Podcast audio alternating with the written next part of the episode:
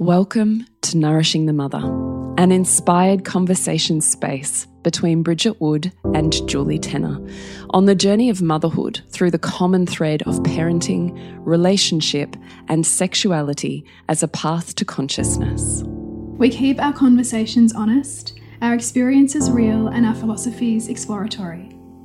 We believe that in order to raise incredible humans, we first have to raise ourselves. We know that in order to rock the family, you've got to nourish the mother.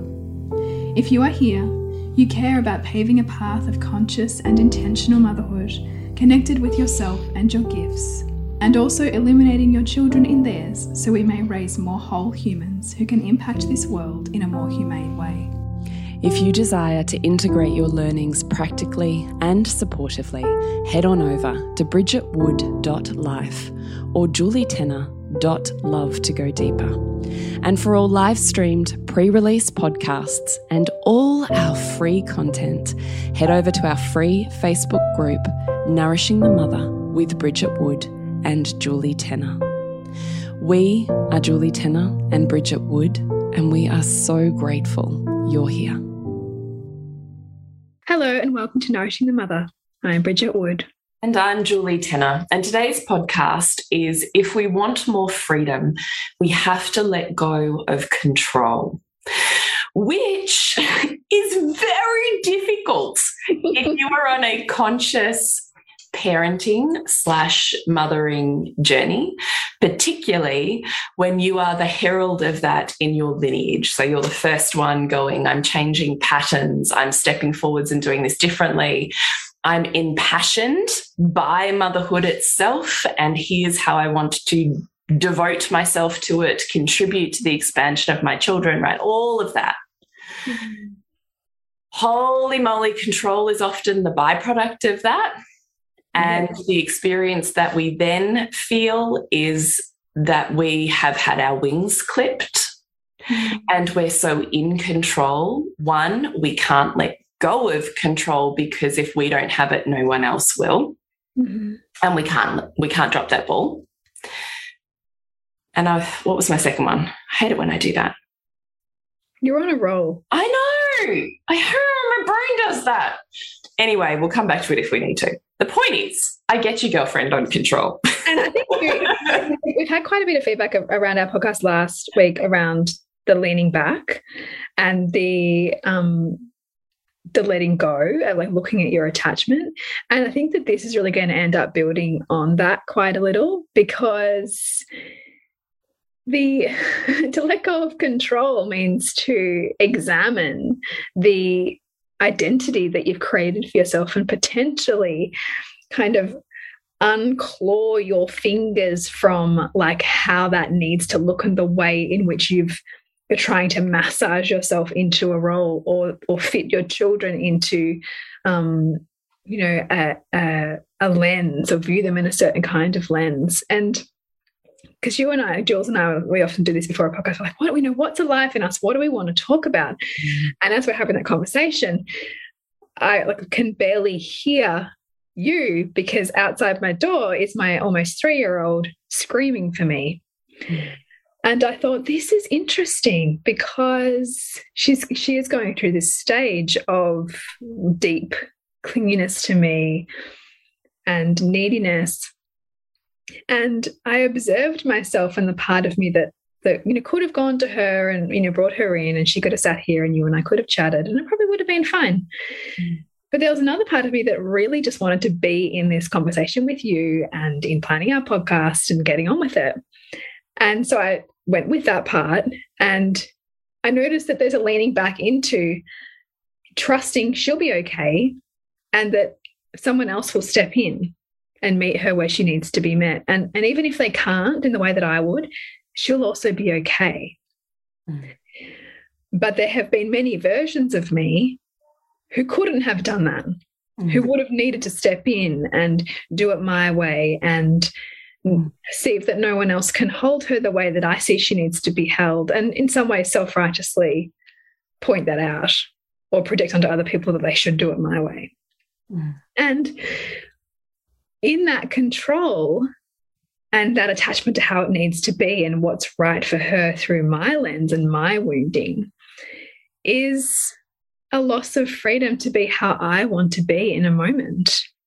Because I'm so kind of co opted by this desperation to do things right according to some narrative, some belief system, in this case around conscious parenting or holding space, for example. Yeah, far out. Man, as you were saying that, and actually, um, you know, even as Pearl was there banging at that door, I was watching you have that dance in your head between am I going, am I not, or in your body maybe, am I going, mm, am, I going? Mm. am I cool with this, am I not cool with this? And I love that moment. And I think actually what we need is probably a longer pause in that moment for ourselves when we find ourselves in it. And most especially when we're orienting towards what might be a more aligned choice rather than a habituated one. Mm. So I can certainly feel into like you all of those moments where, like, I mean, good Lord, with my first child, he was the most god awful sleeper. Like he would never sleep longer than in inverted commas one sleep cycle.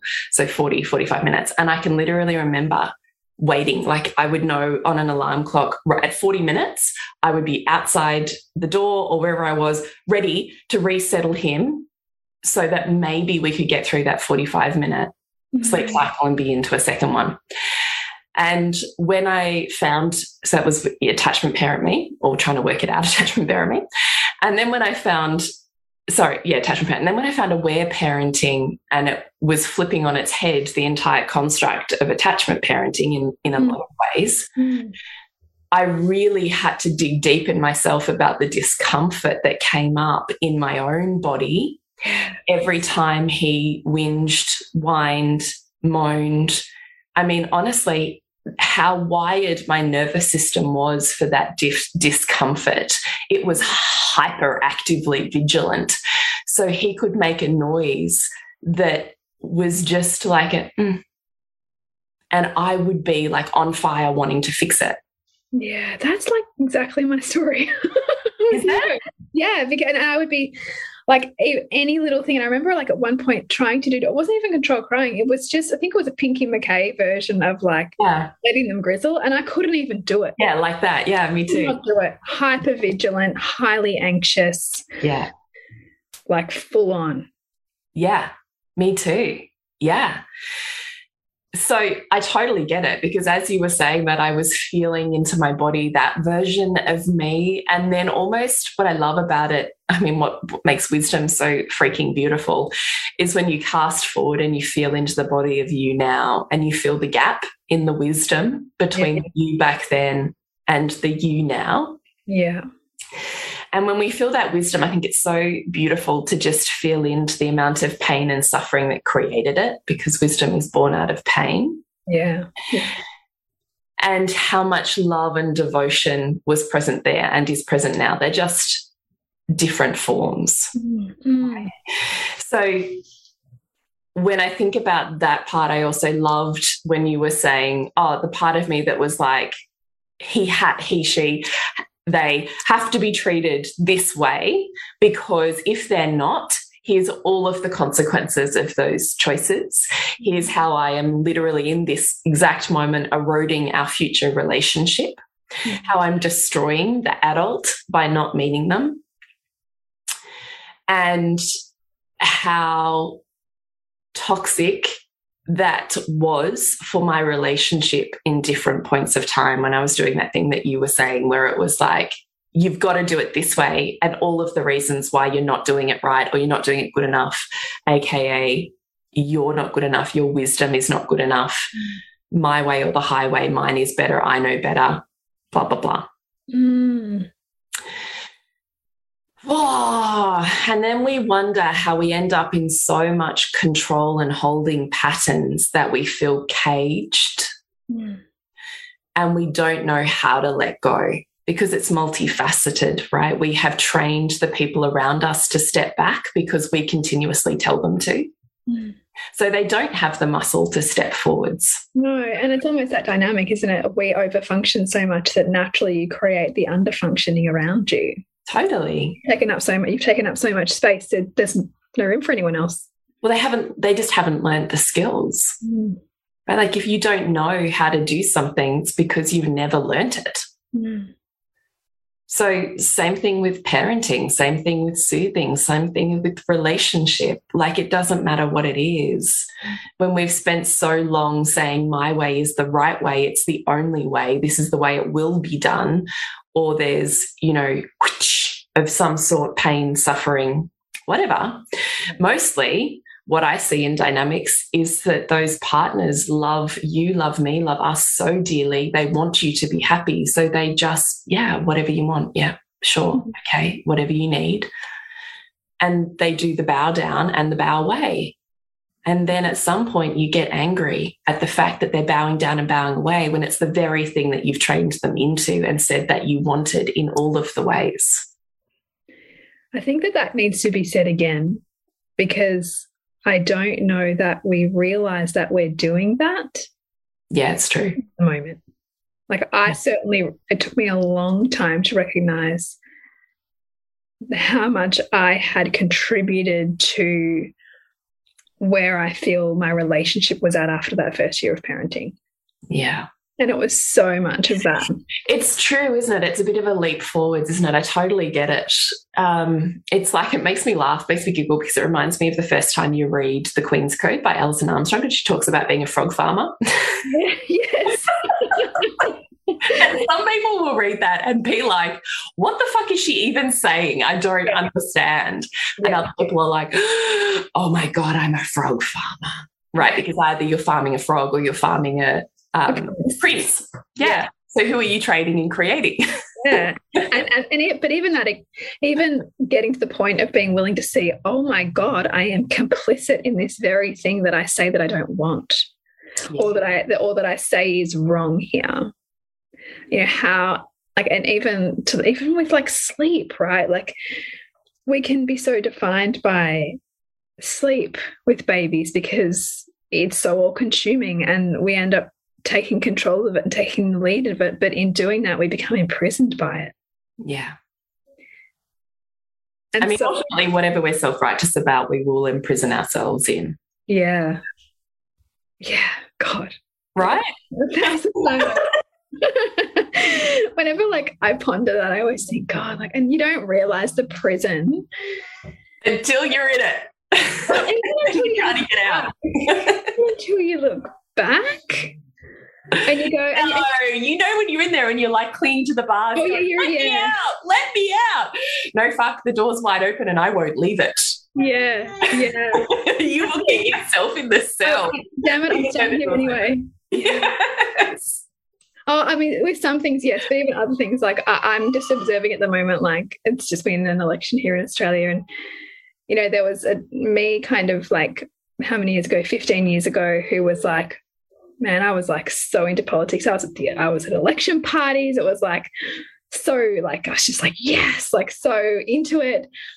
Yeah. And now I find it so fascinating because I've like to the point where like at that time I was so obsessed with it. My husband ended up donkey voting because he was so put off by me, right? Like so, so I'm taking up all of this space and so like righteous about it that he that just tips him into like complete apathy. Yeah.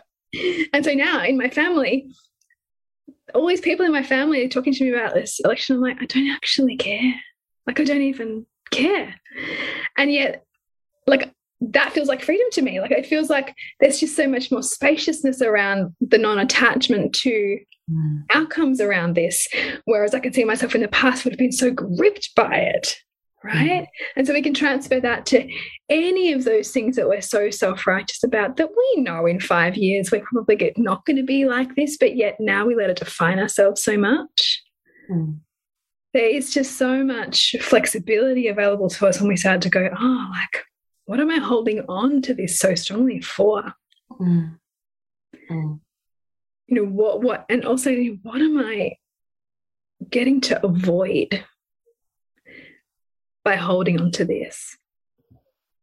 And in the case of like the parenting stuff and the the right way or you know even sometimes it can be the narrative we have around how hard mothering is or the patriarchy around motherhood or you know anything that we let um, be our um, i don't know the flag that we're flying right now mm. how that also can become the very thing that blocks us from the intimacy that actually we're yearning for but that this big thing is in the way and it's safer to be angry at our lot or at our the construct we exist in than soften into the intimacy that we know is on the other side if we were to let that guard down. Mm. And that intimacy is often the meeting of who you and your partner are in this new phase of life, whether it's first baby, whether it's second baby, whether it's, you know, a, a job loss or whatever it is. It's like, you know, damn it, I'll hold on to these other things that feel safer, even though I'm angry, then feel into wow like where is this taking us? What do we want for ourselves? How can we create room for us and it not be about you know what we feel like we're not getting or a blame game? Yeah. Yeah. I mean god that's so symptomatic of being the prisoner in the self-imposed prison though. Mm -hmm. yeah. And so i have so much compassion for it because my gosh i have lived it. Mm. yeah. 100% what I find is such a conundrum, as you've already pointed out, is how hard is it to go, okay, I don't, I'm so sick of being in control and micromanaging everything all of the time. I can't sustain it. Maybe there's even part of you that's like, I don't want to sustain it, but you're not at the I can't do this any longer stage. Mm. They need to get to the. I often think sometimes when our patterns are so big and our polarizations are so big and our self righteousness is so big. We have to get to the point of breaking. I yeah. cannot do this anymore before yeah. we're actually willing to change. Because yeah. up until that point, we're still getting more benefits out of the thing that we're gradually hating more and more. Yeah. Until we get to a point where, like, no, this this scale has tipped. Now there's more pain here than pleasure. But at some point, that that was not the case. So some, that that's also getting to that point of brokenness around it like i can't deal anymore. That's mm. also often when all of the defenses on the armor get to drop off because you don't have the energy anymore to hold it up. You don't have the fight anymore. Yeah, yeah. but actually but actually like there's so much beauty there because you've actually let the cracking happen. Like you've let yourself crack open yeah. and you've let yourself let go of like what you're holding on to and protecting yourself with. Yes. And people then get to show you more of themselves because you can see it now. Yeah, totally.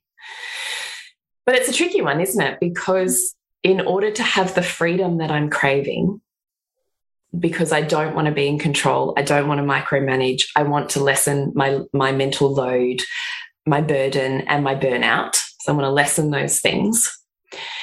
And maybe at the same time I also want other things mm. for me and for my life. And somehow, inexplicably, the all consuming and exhausting nature of motherhood means that I cannot have those things. Mm.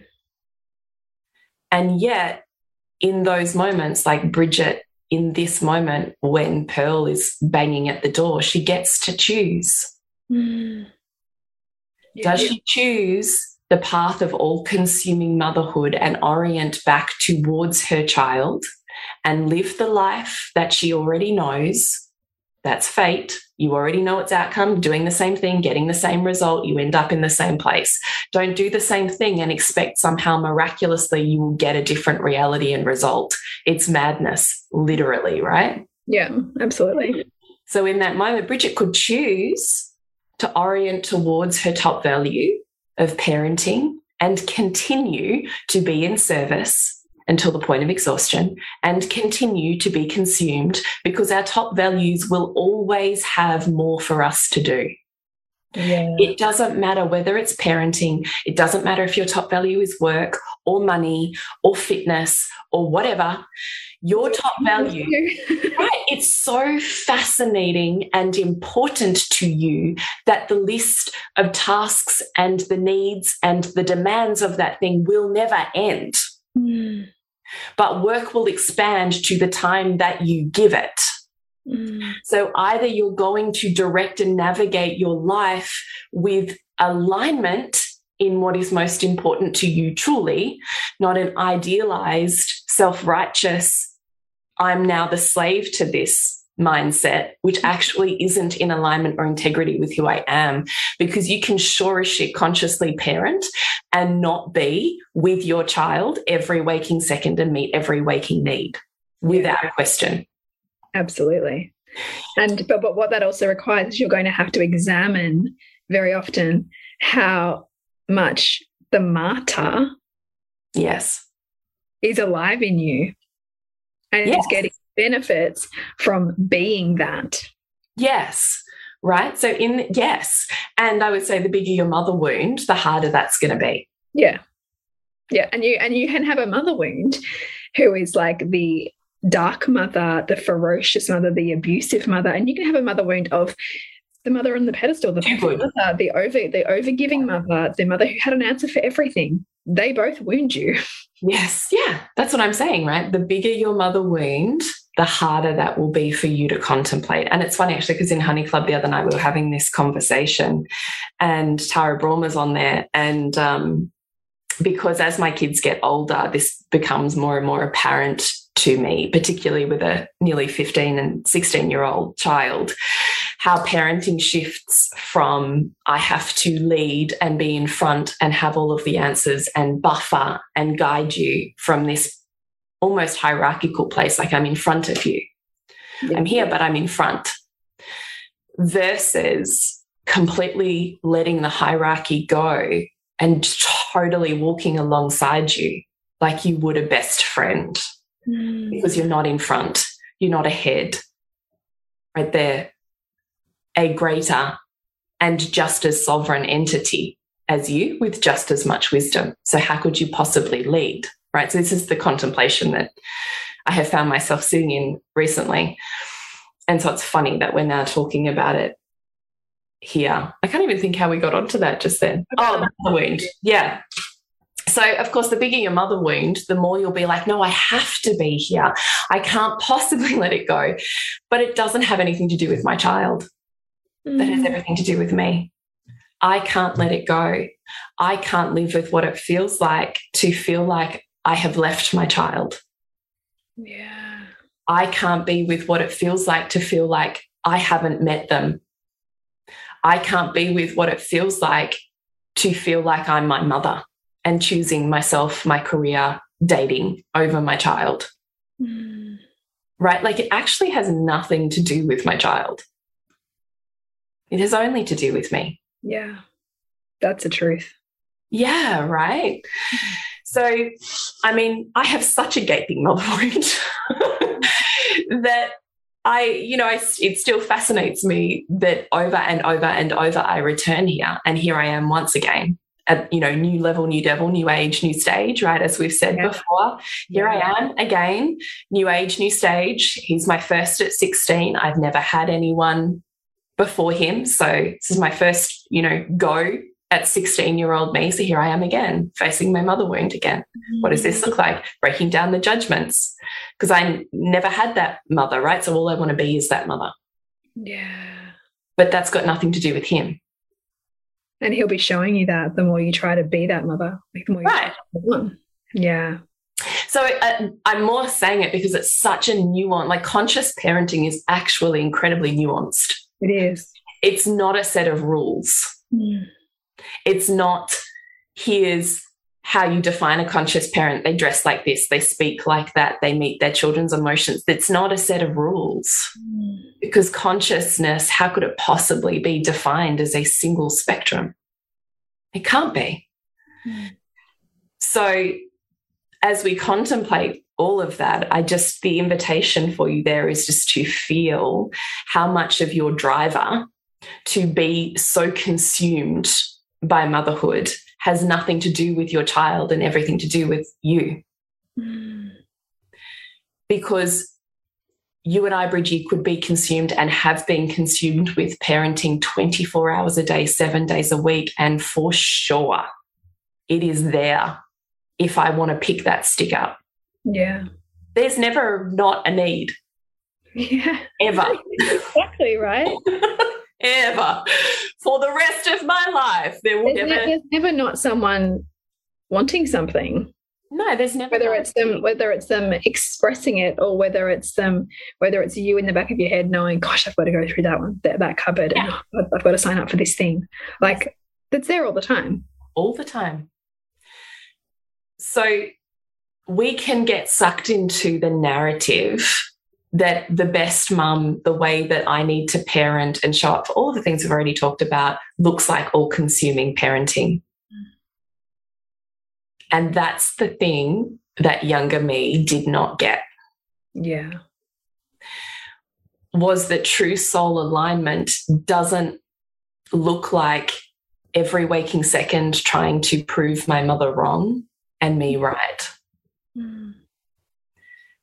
It doesn't look like I'm only doing it if I'm exhausted, if I'm giving beyond my own comfort. That's the only point where I'm doing it right is when I'm picking their comfort over mine. Yeah. And this is what it looks like, right? Like I look around at the friends that I had and the community that I chose when I had that mindset, and they reflected that mindset to me. We will always look for the people to prove our beliefs right Mm. until we're ready to look for how how else it might be in the world. So everyone reflected back to me, you're poor. You know, you've only got enough money to scrape by. No one has extra cash. You know, that's for those people that it looks like this service. It looks like creating food from scratch. It looks like meeting emotions. It looks like serving community. It like it looked like all of these things. And it can. And while that provided freedom, wonderful. But when it slips into now, I feel controlled by my life and it no longer feels of my choosing, then it's out of alignment and therefore out of integrity and no longer a conscious choice. Mm. God, I love that. But it's true, right? Because it, it- then it's just a prescription from some other person's Right. ideology. Or younger you before she Yeah. had growth. Yeah. When Yeah. she knew and saw the world the way that she did, and you've now gone deeper and wider because that is what age does, Mm. hopefully. Yeah. Right. Like we're always deepening in our consciousness. Mm. If we're asking the quality questions. Right, for sure. Yeah, for sure.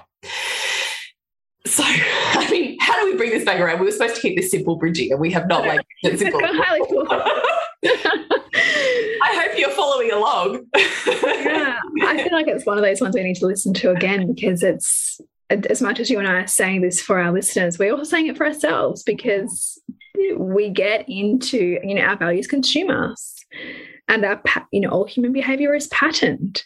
So we will run patterns that get comfortable sometimes too comfortable. Yeah. So when you're Bridgie sitting here wanting to do your work, your soul, feel another piece of your fullness, and you have a child banging on your door, you have choice. Which part of you needs serving and nourishing right now? Mm. Is it the part of you that loves, adores, and honors parenting? Is that the part of you that wishes to be nourished in this moment? Or is the part of you that wishes to be nourished in the moment something else? Which, as you heard at the start, Bridgie was like, you know, I could hear her. And as I said, I could see you doing that dance of like, how do I feel here? Where do I want to move with this? And I think that's so beautiful because we do, when you spend long enough listening to your children cry and moan and whinge and grizzle and all of those things, you start to pick up the nuance of it. It's no longer just like a sound, boom, my nervous system's up there. Mm-hmm. It's now like, hang on, let me listen to that quality a little bit more. Let me feel the flavor and the vibration of that a little bit more. Mm-hmm. And you become more artistic at knowing when it is a need that that really needs you Yeah. and when it is a need that is so beautiful for them to an experience to experience in so many other forms with Yeah. themselves with their sibling with a carer with a friend with a calling out for a relationship with a father so many other ways for them to experience that. And when I can feel that quality, check in with my body's nervous system and, and signal system and be like, no, we're still a green light, we're good, we're okay. Mm -hmm. And sink back into when I remove myself, someone else fills that gap was a universal, right? Law of conservation. Yeah. yeah. It always happens. When you, when, when you step back, someone steps up. It has to happen. Yes, always.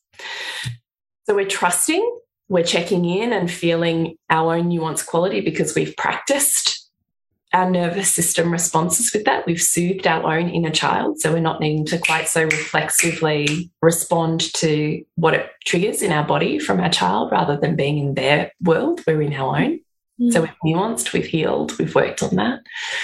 And then because Bridget can do those two things and she now creates this bubble of presence, she checks in and goes, Where's my willingness? Do I want to be over there in parenting or do I want to be here? Actually, my stronger truth is I've just spent 11 hours honoring my value of parenting, 12 hours, whatever it is.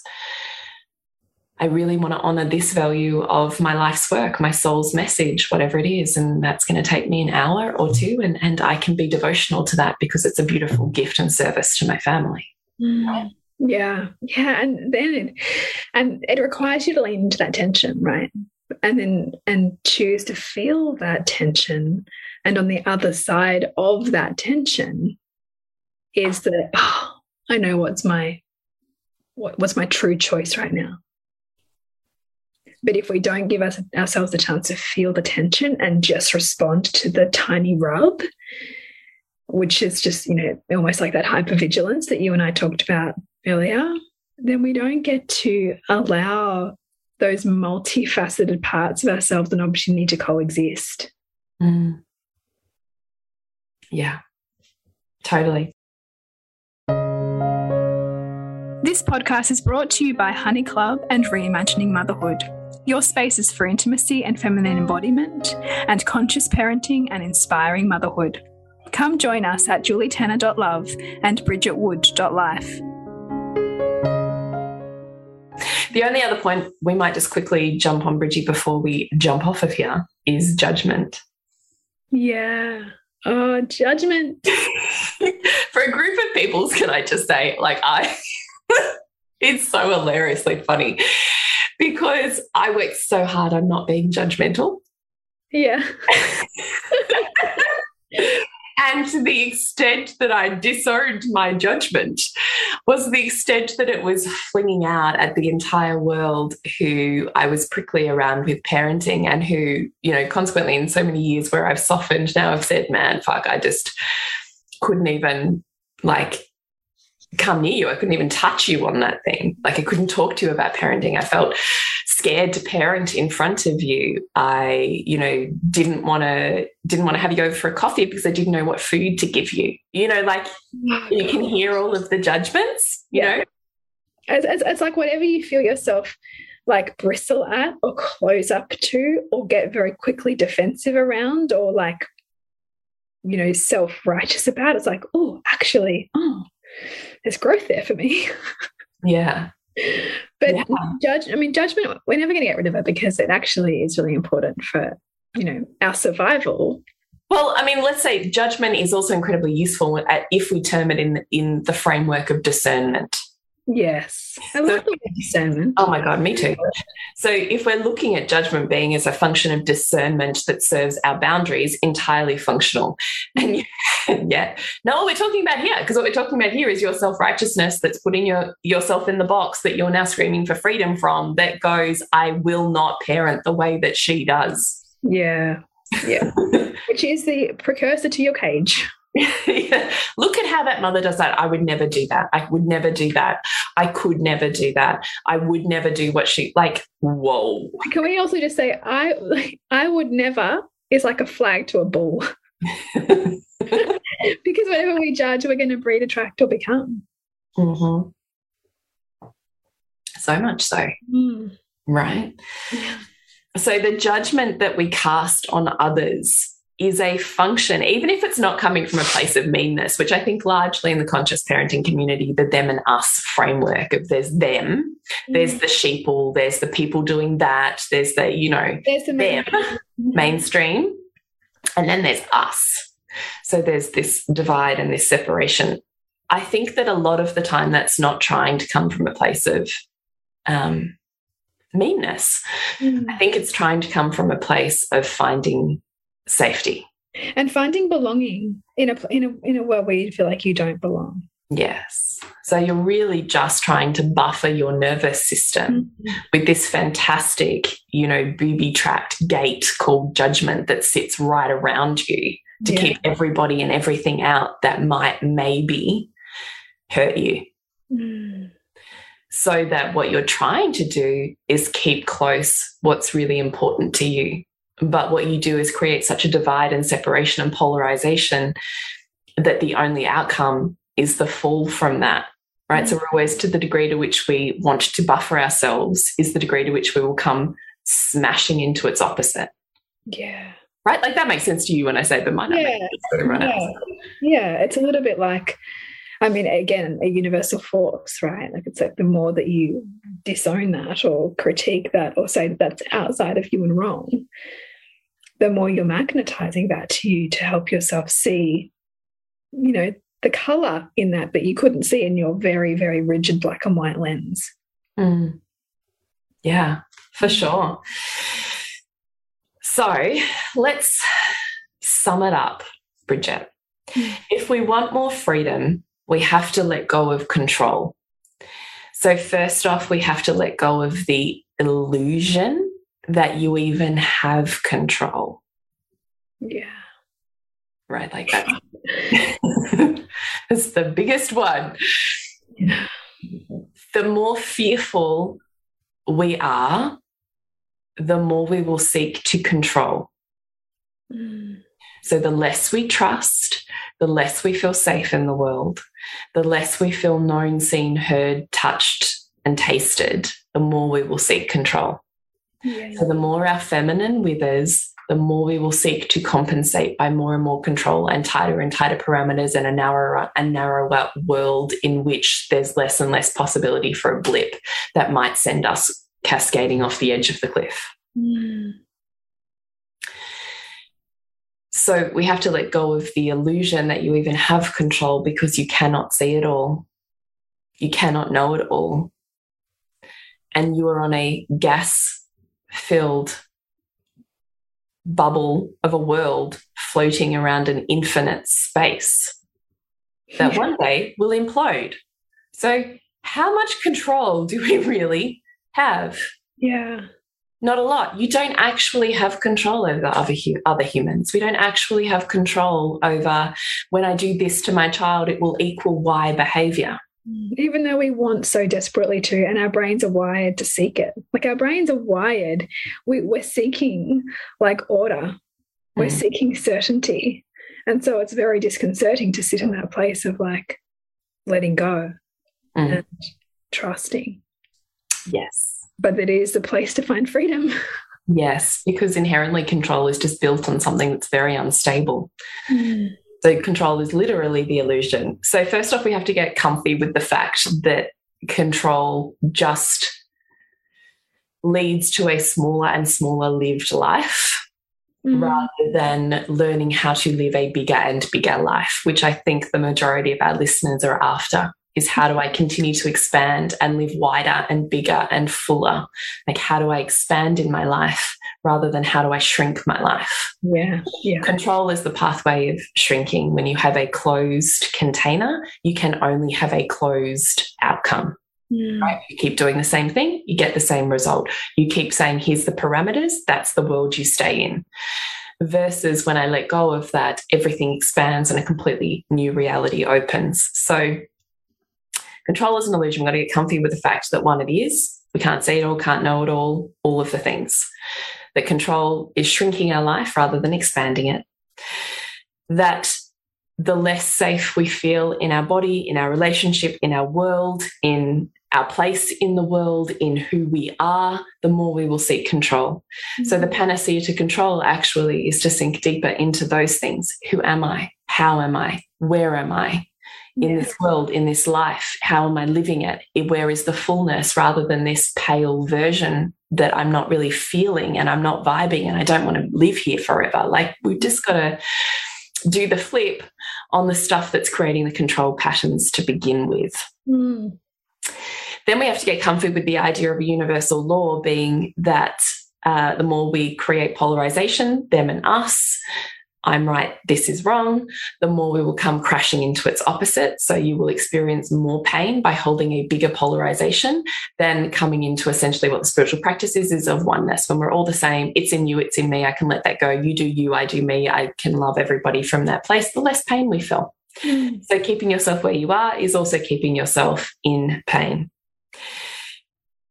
That's a lot, isn't it? And then the universal, yeah, law of conservation being really comfy with the idea that when one door closes, another opens. Mm. That's all the same. Nothing is ever, like, energy's never lost or gained. Gained. It's just changing form. Yeah. There is never a loss without a gain, and there is never a gain without a loss. There is never a door that is closed without one opening. And what will happen is your life will always guide you towards the door that is in that is in greater alignment and integrity with your soul. And it is the same for your children.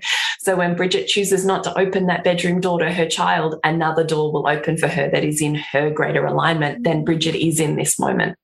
Yes we have to get comfy with that as an idea. Yeah, and, and be able to be humble enough to accept that as well. Yeah. Which I mean, th this stuff is so profound to actually really understand too, because we can help ourselves with our own infatuations and we can help our children with that, right? Like when they get get upset about a friend, like moving away from them, well, okay, who came towards you? Mm. Because when we start to look at life through that lens, we don't have to hold on with such desperation, mm. we can start to see the shifting. Yeah, for sure. So at the same time as a door is opening for Pearl, while Bridget closes this one, there's a door opening for Bridget in her heart or her soul by virtue of saying, I choose to open this door of the podcast. So everybody is still having their highest values served. It just doesn't look like you controlling and deciding that you know what that is for your child. Mm. Because the truth is, yes, no one knows your child better. And also, we will only ever see ourselves. Yeah. Like, how fucked is that? it's our child, but we don't. We just see the parts of ourselves reflected that we're, that we're willing and able to see, yes. right? Yeah. Yeah. Right. And we ask them always to subordinate to our values, the way that we see the world, because we perceive that's the world that is best, that yeah. they should grow up in, but it may not be the world. Our very reductionist, you know, like not on the same consciousness level lens.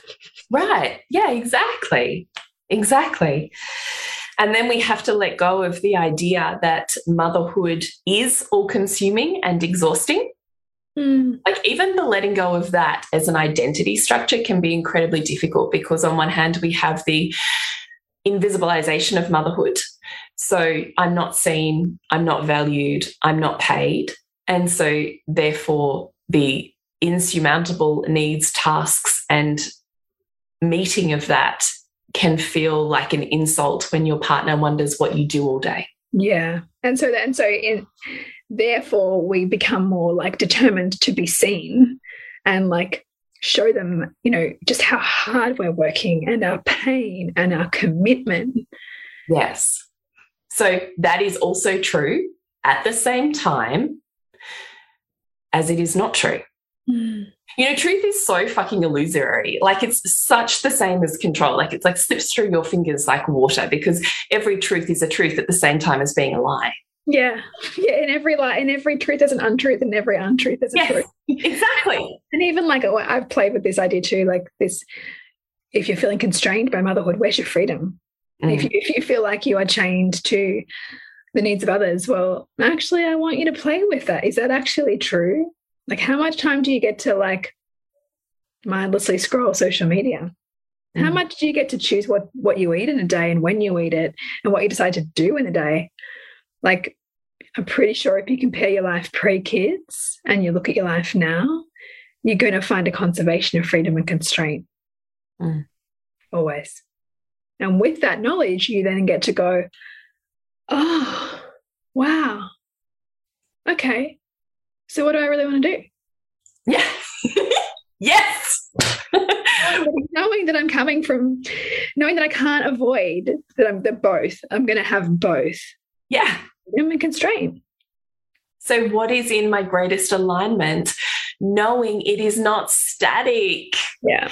You are not static. What you so thoroughly and deeply believed, like Bridget was saying with her politics, which she thought would be a lifelong crusade, yeah. at some point through the gift of life and wisdom and the allowance of self to change, becomes an entirely new alignment that's required. And then because everything's conserved in my family dynamic, other people who back then couldn't care are now talking to me about it to the point where I said to my husband, Why are you telling me this? I don't actually care. comedy because 15 years ago he was doing the same to me. It's so good right? it's so good. So, even motherhood, the way that you do it now, and how deeply you believe in it now, and how you cannot contemplate another reality now also allow room for yourself to change because or else it will become a ball and chain that you will continuously shrink yourself to fit yes yeah on that note we're going to leave you with that mm that little one to ponder. Mm. So, Julie, what's going on in your world? What is going on in my world? Holy moly, Richard, I don't even know what is going on. I'm currently running Lovers School. So, what can you get access to right now? Well, I'm prepping for opening of Queen's School. That's coming up. I'm just finishing that off at the moment. So, you can look out for Queen's School. But right now, if you're ready to sink your teeth in, then it would be the Set Sexy Up guide, which is 16 pages of eight deliciously detailed points on how you and your partner can set you and your relationship up for sexy because how you treat a mother during the day is how defines the type of sex and intimacy you're going to have at night. So let's get really conscious about what we're creating. So you can find that at julietenner.love forward slash set it up. And you, Bridgie. Yeah, so in the Reimagining Motherhood membership, we are still talking all things rage repair and resourcing yourself in motherhood. And it is really potent these conversations. Like i am loving them and i'm loving actually how life imitates work and what i'm being asked to journey with within myself. So there's lots of um, that coming into this the space too. So if you want to find out more about that uh, look up bridgetwood.life and you can find us nourishingthemother.com.au, Nourishing the Mother on Facebook and Instagram. We love your conversations. We're very social on the socials, so please reach out. If you have a podcast suggestion, a question that you would love us to dive deeper on, then please reach out to us. You can DM us on either of the socials, or you can email us at either of our bridgetwood.life or julietenner.love. Remember to nourish the woman to rock the family. And we'll see you next week when we continue to peel back the layers on your mothering journey. Thank you so much for listening. We literally couldn't do this without you. Please share this podcast with anyone you think it would be medicine for. If you desire to integrate your learnings practically and supportively into your life, then head on over to bridgetwood.life or julietenner.love to go deeper. And if you feel like giving back a little to this free content, Please rate us on iTunes or Facebook, all of which helps the podcast reach more mamas who need this type of tonic for the soul.